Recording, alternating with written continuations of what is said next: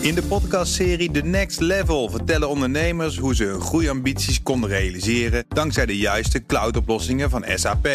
Wat waren de uitdagingen, de oplossingen en hoe ging de uiteindelijke implementatie? Benieuwd naar hun verhalen en hoe zij met behulp van SAP ook hun toekomstige ambities kunnen behalen? Luister de podcast The Next Level via de BNR-app of je favoriete podcast-app. De column van Ben van den Burg.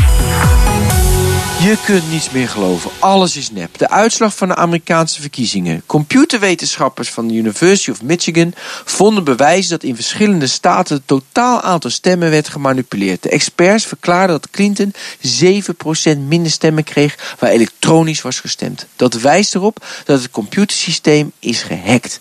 Fox-journalist Prokop vindt de bewijzen mager. Hij geloofde het niet. Onze eigen Nederlands-Amerika-deskundige Verhagen vindt het luchtfietserij en ziet geen enkele aanleiding voor een herstemming. Ik vertrouw zowel de manipulatie van de verkiezingsuitslag als de reactie op de manipulatie niet.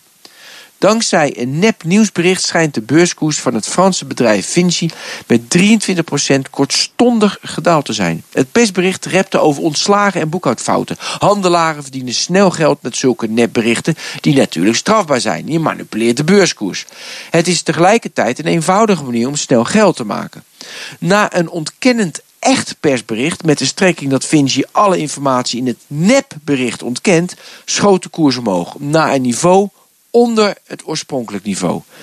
Ik weet niet of er geen ontslagen zullen vallen bij Vinci en of de boekhouding in orde is. Je kunt niet zomaar alles geloven. Mensen zeggen zoveel, kranten schrijven zoveel. Ik hoor politici van alles beweren. En of het allemaal waar is, ik weet het niet. Donald Trump vertelde tijdens de campagne stelselmatig dat klimaatverandering een hoax was. Hij zou het internationale klimaatverdrag zo snel mogelijk opzeggen. Eerder beweerde hij dat de opwarming van de aarde een idee was van China om de Amerikaanse industrie dwars te zetten.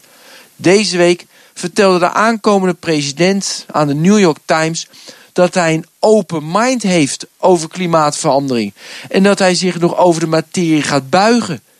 Wie zegt dat hij nu de waarheid spreekt? Of volgende week als hij het tegenovergestelde gaat zeggen? Ongeloofwaardig was ook Wilders toen hij deze week de tekst uitsprak: Ik moet spreken om het land te beschermen. Ik zie niet in dat ons land minder of meer gevaar loopt als Wilders wel of niet spreekt. Wilders wil met dat soort uitspraken slechts stemmen trekken. Streven naar congruentie of waarheidsvinding schijnt ondergeschikt te zijn aan een kortstondig effect, totdat we kapot gebeukt zijn door alle leugens die we over ons heen gestort krijgen en onze oren en ogen definitief gesloten worden voor de herrie en de onzin om ons heen. En als ik u was, zou ik deze tekst ook niet geloven. Je moet sowieso niet alles geloven wat je de hele dag denkt en tot je krijgt. Dat doen we ook niet hoor, Ben. De column is terug te lezen en te luisteren via bnr.nl en via de BNR-app. In de podcastserie The Next Level vertellen ondernemers hoe ze hun groeiambities konden realiseren dankzij de juiste cloudoplossingen van SAP.